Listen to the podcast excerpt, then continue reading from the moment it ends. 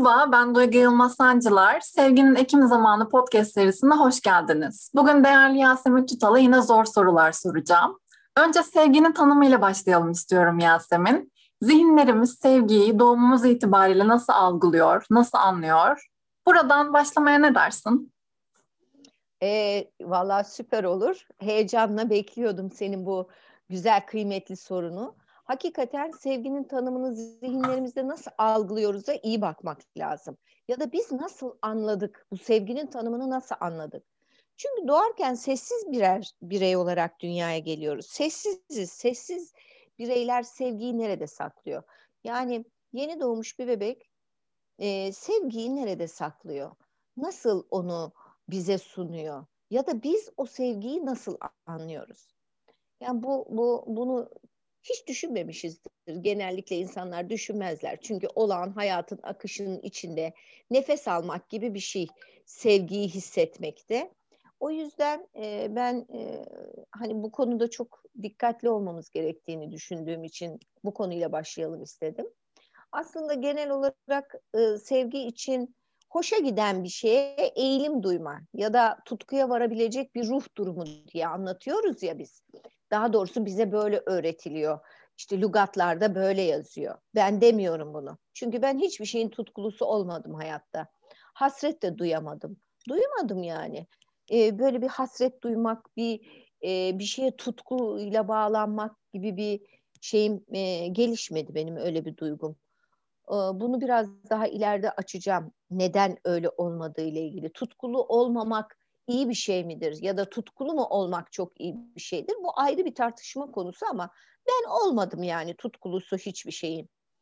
Bu Yunan felsefesinde aslında çok e, şey yapar, sevgiyi çok çeşitli tanımlarlar. Felsefe ile ilgilenenler için. Bana en yakın düşünce e, aslında evrende birleştirici ilkedir sevgi diyen Empedoikes e, diye bir felsefeci var. O, o söylüyor bunu. Evrende birleştirici bir ilkedir diye. Yani ben tabii bunu nasıl algılıyorum?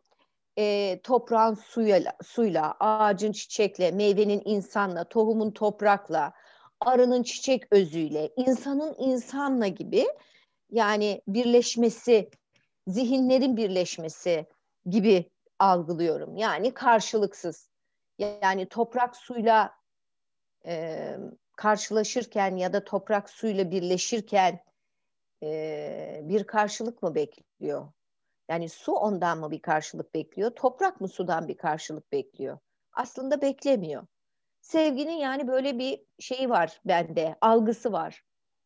Ee, hani demiştim ya sana, nasıl başarıyorsun? İşte çok severek, severek başarıyorum sevmeyi nasıl başarıyoruz'a bakmak tabii çok önemli. Bize sevginin birçok çeşidini e, öğretiyorlar dünyaya geldiğimiz zaman. İşte evlat sevgisi, ana baba sevgisi, doğa sevgisi, tanrı sevgisi falan hani böyle. Sevgiyi pasta dilimlerine bölüp zor bir iş haline getirmek çok hani müthiş bir şey gibi, kavram gibi. Ben bunları niye bu kadar basit görüyorum? Onu da bilmiyorum Duygu. Gerçekten samimi olarak söylüyorum sana. Gerçekten bilmiyorum. Çünkü bana çok yavan geliyor bu. Hani işte ana baba sevgisi diye bir sevgi var. Ya öyle değil sevgi. Sevgi başka bir şey. Ee, evet annesini seviyor insan, babasını seviyor falan filan. Ama bir taraftan da bakıyorsun hani insan sevgisi anlamında konuştuğumda bir taraftan da bakıyorsun diyor ki e, şey anne baba çocuk dünyaya geldiğinde hazırda var. Zaten hazır. Dünyaya geldiğinde onların kucağına geliyor. Anne babayı dünyaya geldiğinde buluyor çocuk. Var yani. Ama o çocuğu anne baba kendilerinden var ettikleri için onların e, özellikle annenin etinden canından hani derler ya etimden et koptu canımdan can koptu seni doğuran benim ben anayım der ya anneler. Öyle bir şey çünkü o onu yarattı diye düşünüyor. Ama diğer tarafta e, çocuk evet anneyi babayı seviyor ama hiçbir zaman bir annenin babanın onu sevdiği gibi sevmiyor. Çünkü onu zaten hazır buldu. Aramadı, edinmedi.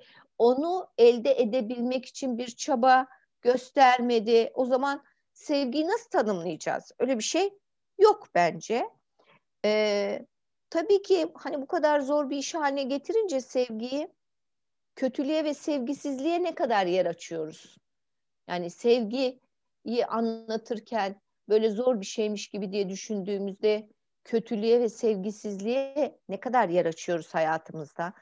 Ee, sence sevgi denen duyguyu hiç hissetmeseydin kötülük ve sevgisizlik diyeyim hani ya da hiçbir şeysizlik hissi sana ne e, düşündürürdü duygu? E, her şey karşılığıyla var. Karşılığı olmasa biz onu tanımlayamayız ya da hissedemeyiz gibi bir yaklaşım var ya.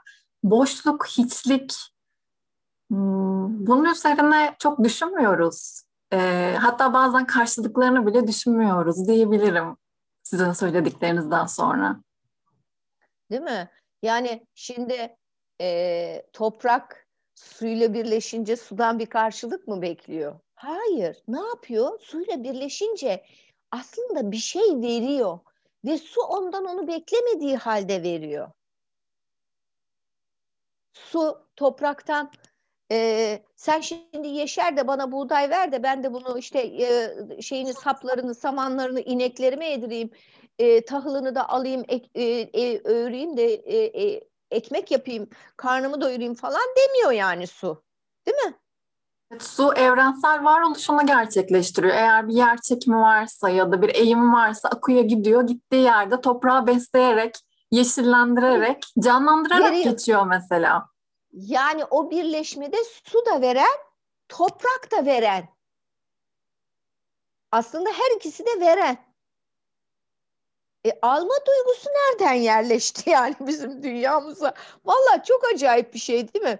Yani şimdi böyle hani yazıyoruz, çiziyoruz, konuşurken ya da söylüyoruz her işin başı sevgi, işte insanlar birbirini sevmeli filan gibi değil mi? Bunları söylüyoruz da. E iyi güzel, hoş, çok güzel. Ama bir doğaya bakalım ya, bir doğaya bakalım. Yani e, en basitinden birçok insanın evinde evcil hayvan var, değil mi? Yani işte ne bileyim kimisi muhabbet kuşu besliyor, kimisi kedi bakıyor, kimisinin e, işte köpeği var ki benim de bir köpeğim var mesela. Ondan sonra onlarla bir duygu e, alışverişi içine giriyor ve onlarla iletişim içinde oluyor. Ama hiç acaba hani kendi duygunu tatmin etmek için onu yapıyorsun. Köpeğim beni çok seviyor. Sen köpeğini ne kadar seviyorsun? İşte arkasından ağlıyor falan bir şey olduğunda çok üzülüyor, veterinerlere taşıyor. Ve aynı insanı sokaktaki bir başka e, köpek, terk edilmiş bir köpeği taşlarken görebiliyorsun. Kendi köpeğine acaba zarar verir mi diye. Ya da onlardan korkarak gittiğini görebiliyorsun. Şimdi gerçekten bir hayvan seversen bunu nasıl yapabilirsin? Demek ki sevgi böyle çok göreceli e, zihnimizde bizim, ruhumuzda böyle bir şey. Bunu nasıl sınırsız, evrensel, toprağın suyla birleşmesi gibi ya da işte ağacın çiçek açması gibi filan birleştirebiliriz de hakikaten saf sevgi haline dönüştürebiliriz. Bunu arayışı içinde olacağız herhalde biz bu seride. Öyle diye düşünüyorum. Düşünsene aynı ailede iki kardeş bile birbirini sevmekte zorlanırken nasıl olacak bu iş? Bu kadar çok sevgi arayışı. Hani sana tanıtım şeyinde sohbetinde söyledim ya insanlar e, ne kadar sevdiklerini düşünmüyorlar. Ya da seviyorlar mı acaba diye düşünmüyorlar. Ne kadar sevildiklerini merak ediyorlar. İşte bu bir yoksunluk, bir yoksunluktan geliyor bu sevgi arayışı. Yoksun olmak. İşte burada yeniden dönüyorum. Hiçbir şeyin tutkulusu olmadım diyebiliyorum ben. Bunu buna bağlıyorum mesela. Yani sevgisiz kalmadığım için. Hiç sevgisiz kalmadığım için. Hani insanın hiç acıkmaması gibi bir şey. Acıkmayınca yemek yeme ihtiyacı duymazsın. Susamazsan su içme ihtiyacı duymazsın. Öyle değil mi?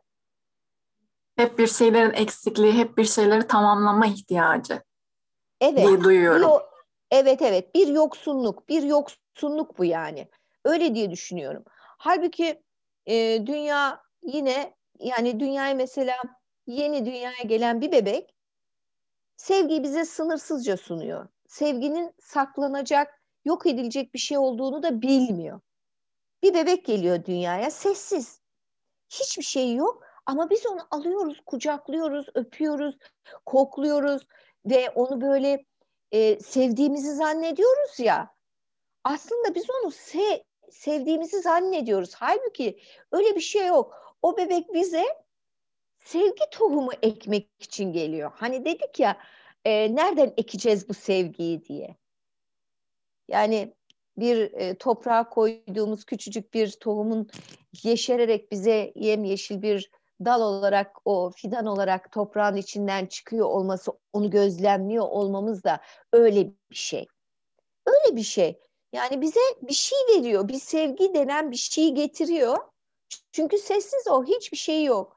Biz zannediyoruz ki onu e, şey yaptık, sevdik. Halbuki o bizi sevdi. Geldi ve bize bir şey verdi. Verdi çünkü. Almadı. Onun öyle bir şeye ihtiyacı yok ki. O doğduğu anda. Doğduğu anda sevgiye ihtiyacı yok. O sana bir sevgi veriyor. Tam tersini düşünüyorum ben. İşte sevgi kundağı orada başlıyor. O kundak çok kıymetli. Sevmeyi öğretmeye geliyor o çocuklar dünyaya. Çiçekler bahar gelince onun için açıyor. Yani ben böyle düşünüyorum. Sen ne diyorsun buna? Çok farklı bir yaklaşım geldi şaşırdın bana bu. değil mi? Şaşırdım, şaşırdın evet. değil mi? Çok şaşırdın değil mi? Bak bunu nereden şey yaptım biliyor musun? Daha genç kızım hiç evlenmeden yani evlilik yapmadan önce çok sevdiğim bir arkadaşım vardı. Hamile kaldı.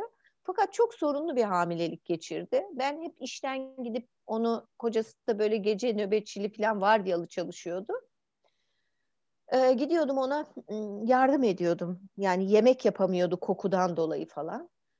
9 ay boyunca hamileliği biz iki arkadaş birlikte yaşadık gibi bir şey oldu. Ondan sonra da dünyaya geldi tabii bebeğimiz. Ee, bebek dünyaya geldi. Geldiği gün hastanede işte babası, anne ve ben üçümüz varız. Çünkü arkadaşımın başka hiç kimsesi yoktu. Hiç unutmuyorum. Ee, çocuğu böyle bir kız bebekti. Kucağıma aldım. Anne baygındı getirdiler böyle ve ben bir kucağıma aldım onu böyle bir kokladım filan. O kadar acayip bir şey verdi ki bana o bebek. İşte o zaman dedim ki aa bu bebek beni sevdi. Enteresan değil mi? Ben onu sevdim diyemedim. Aa bebek beni çok sevdi. Aa ben şimdi çok hoşuma gitti bu dedim. Arkadaşımın adı Sunay'dı. Sunacım dedim o kadar büyük bir şey ki bu. Ee, öyle bir duygu verdi ki bana. Ben de beni seven bir bebek yapacağım seneye dedim. ve, biliyor, ve biliyor musun Duygu? Nisan ayının e, dördü ya da beşiydi Ebru dünyaya geldiğinde. Tam bir yıl sonra 21 Mayıs'ta ben oğlumu kucağıma almıştım. O kadar çok yürekten istemişim ki. Tam bir yıl sonra. Düşünebiliyor musun? Evlendim, hemen hamile kaldım ve bir oğlum oldu. O sevgiye sahip oldum yani. Bana sevgi veren bir bebeğim oldu. Yoksa nereden hissedeceğiz ki biz öyle bir sevgiyi? Ne diyorsun? Sessizleştim bir anda. Evet anlamaya çalışıyorum şu anda. Bence bizi dinleyenlerin bir kısmı da aynı aynı anlam içinde bulmaya çalışıyorlar. evet. Biraz şaşırtalım öyle. Yani bir düşünsünler bakalım. Öyle bebeği sevdim, sevdim, sevmek. Yani evet, çünkü ben... çünkü şey de yani okuduklarımızdan ya da işte bu paylaşılanlardan gördüğümüz kadarıyla yani bebeğin sevgiye, sarılmaya, sarmalanmaya e, eksik olmadığını, tam olduğunu bilmeye ihtiyacı var ve bunu ona en iyi verecek kişi annedir. Sevgi kanalı, sevgi petekleri anneden dolar gibi bir e, cümle okudum ben en azından. Onu söyleyebilirim. Şimdi bu yaklaşım biraz daha farklı bir yaklaşım. Evet sınırsız, koşulsuz, hiç kirlenmemiş bir bilinçle gelen bir bebek var. Evet. Ee, ve o bebekten doğru da aslında bir sevgi var. Ee, o yüzden bana biraz böyle bir farklı geldi. O yüzden biraz sessizleştim. Düşün, düşün, düşünmek lazım yani. Çünkü o sana sevmeyi öğretmek üzere geliyor. Sevgi veriyor. O veriyor sana o sevgiyi. Bizden senin içinde böyle bir sevgi doğmuyor yani. Şimdi düşünsene bebek sana o sevgiyi veriyor. E, şöyle bir kural var. Diyor ki e, ben mesela doğum yaptığımda hastanede yan odada bir annenin avazı çıktığı kadar bağırdığını hayatım boyunca unutamam. Alın bunu buradan nefret ediyorum diyordu. Çocuğunu emzirmeye götürüyorlardı. Sigaram bitmedi daha diyor. Yattığı yerde sigara içiyor kadın. Ee, ve çocuğu emzirmek için getiren hemşireyi çocukla birlikte kovuyor.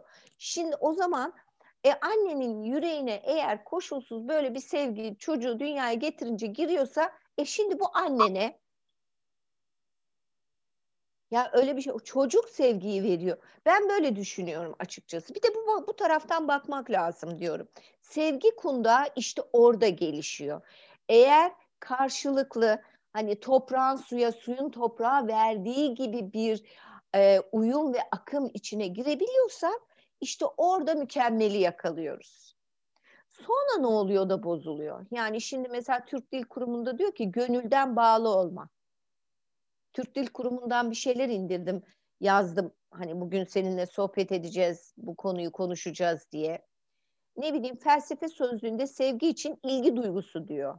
Ya birisi diyor ki derin dostluk ve sevecenlik duygusu, bir şeye karşı duyulan bağlılık diyor. Bireyler arasındaki derin dostluk ve yürekten bağlılık diyor. Başka bir kişi ya da varlığa karşı duyulan ve cinsel yönü de olan ya da olmayan güçlü bir yakınlık ve bağlılık duygusu diyor. Ya burada hep anlatılan insanın insana hissettiğiyle ilgili tanımlamalarmış gibi. Halbuki ben mesela ben öyle düşünmüyorum yani. Sevgiyi bir yaşantı, somut bir yaşamsal süreç olarak görmüyorum da soyut bir kavram olarak görüyorum. Çünkü tanımlanamıyor. Bence tanımlanamıyor. Ee, tanımlanmaktan çok onu böyle yaşamak gerekiyor ya. Yani şimdi güneş Doğaya bakıyorum ben hep. Neden bilmiyorum. Yani ben doğaya bakıyorum açıkçası. Güneş bitkiyi sevdiği için mi onu e, o fotosentezleme işini yaptırıyor? Mevsimsel olarak gayet iyi bir şekilde her dönemde farklı bitkiler şeklinde evrende bizim yani daha doğrusu dünyada bu gezegende yeşermesini sağlıyor. Yani nasıl bir şeydir bu öyle bir enerji? Güneşi seviyorum diyoruz. Hani güneşi çok seviyorum güneşli havayı kim sevmez? Bak böyle şeyler var hani kavramlar var değil mi dilimizde? Bütün dünya dillerinde var. Güneşli hava. Güneşi seviyoruz. Güneş hatta zaman zaman biliyorsunuz şeyde e, mitolojide tanrısallaşmış bir güç olarak bile algılanıyor. Seviyoruz. Demek ki doğayla bir ilişim, ilişkisi var bu sevgi duygusunun aslında. Yani sadece insana dair değil.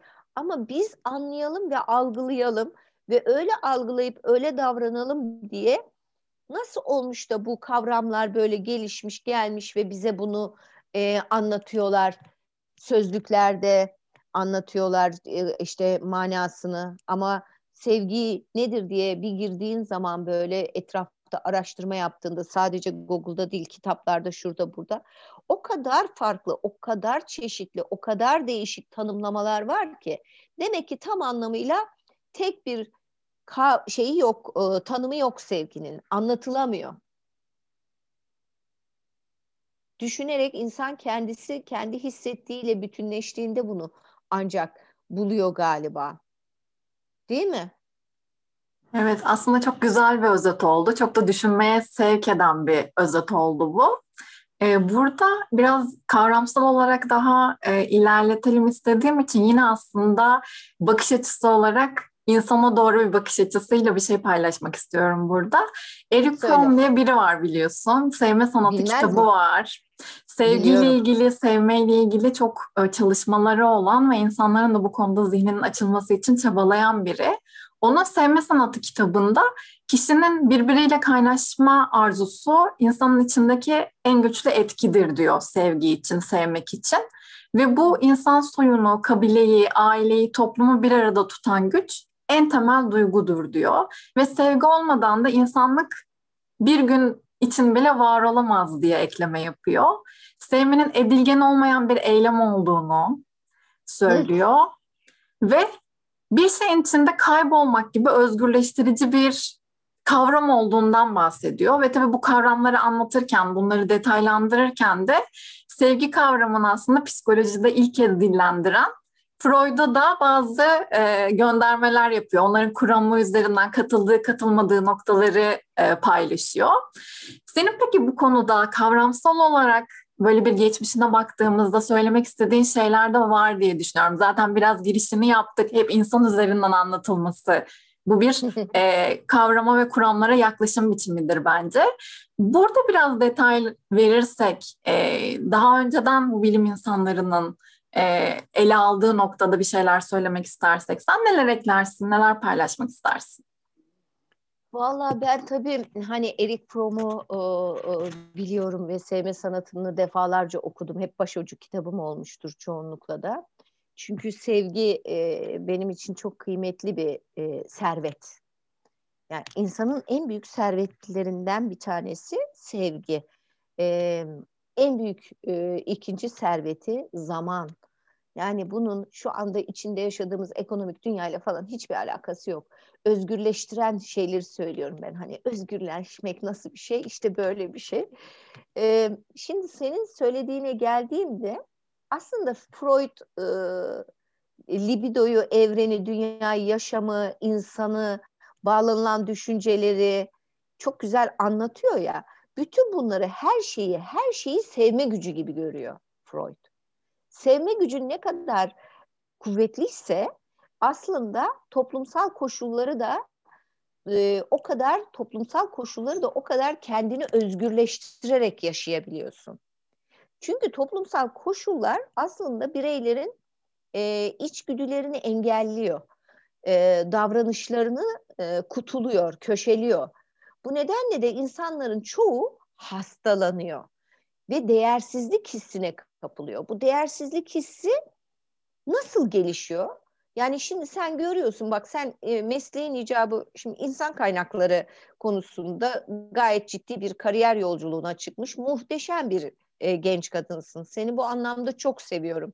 Çok zihni açık, geleceğe e, böyle uzak bakışlar atabilen, sıçramalar yapabilen bir zihnin var senin. Onun için seni çok seviyorum Duygu.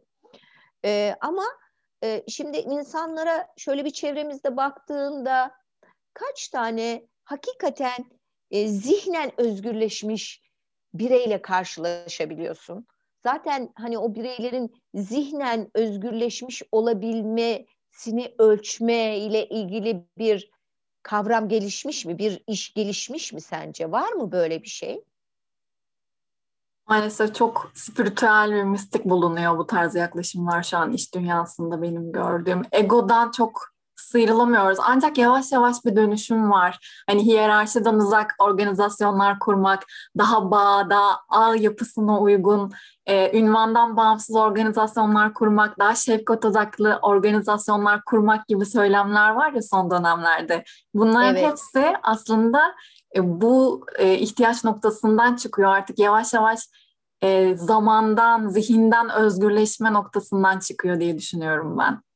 Evet ama bunlar da dayatma gibi oluyor. Çünkü bireyin hani sevmeyi becerebilmesi, daha doğrusu sevmenin tam anlamıyla ne olduğunu ve o zevki, o hazza, o özgürlüğe kavuşabilmesi çok e, kolay bir yolculuk değil. Çünkü dünyaya geldikten sonra e, bir böyle bebekken o böyle güzel sevgiyi veren o bebek birdenbire o sevgiyi vermemesi gerektiğini, saklaması gerektiğini falan öğrenmeye başlıyor yaşadığı sosyal çevrenin içinde ve nevrotik bir durum alıyor, bir hal alıyor.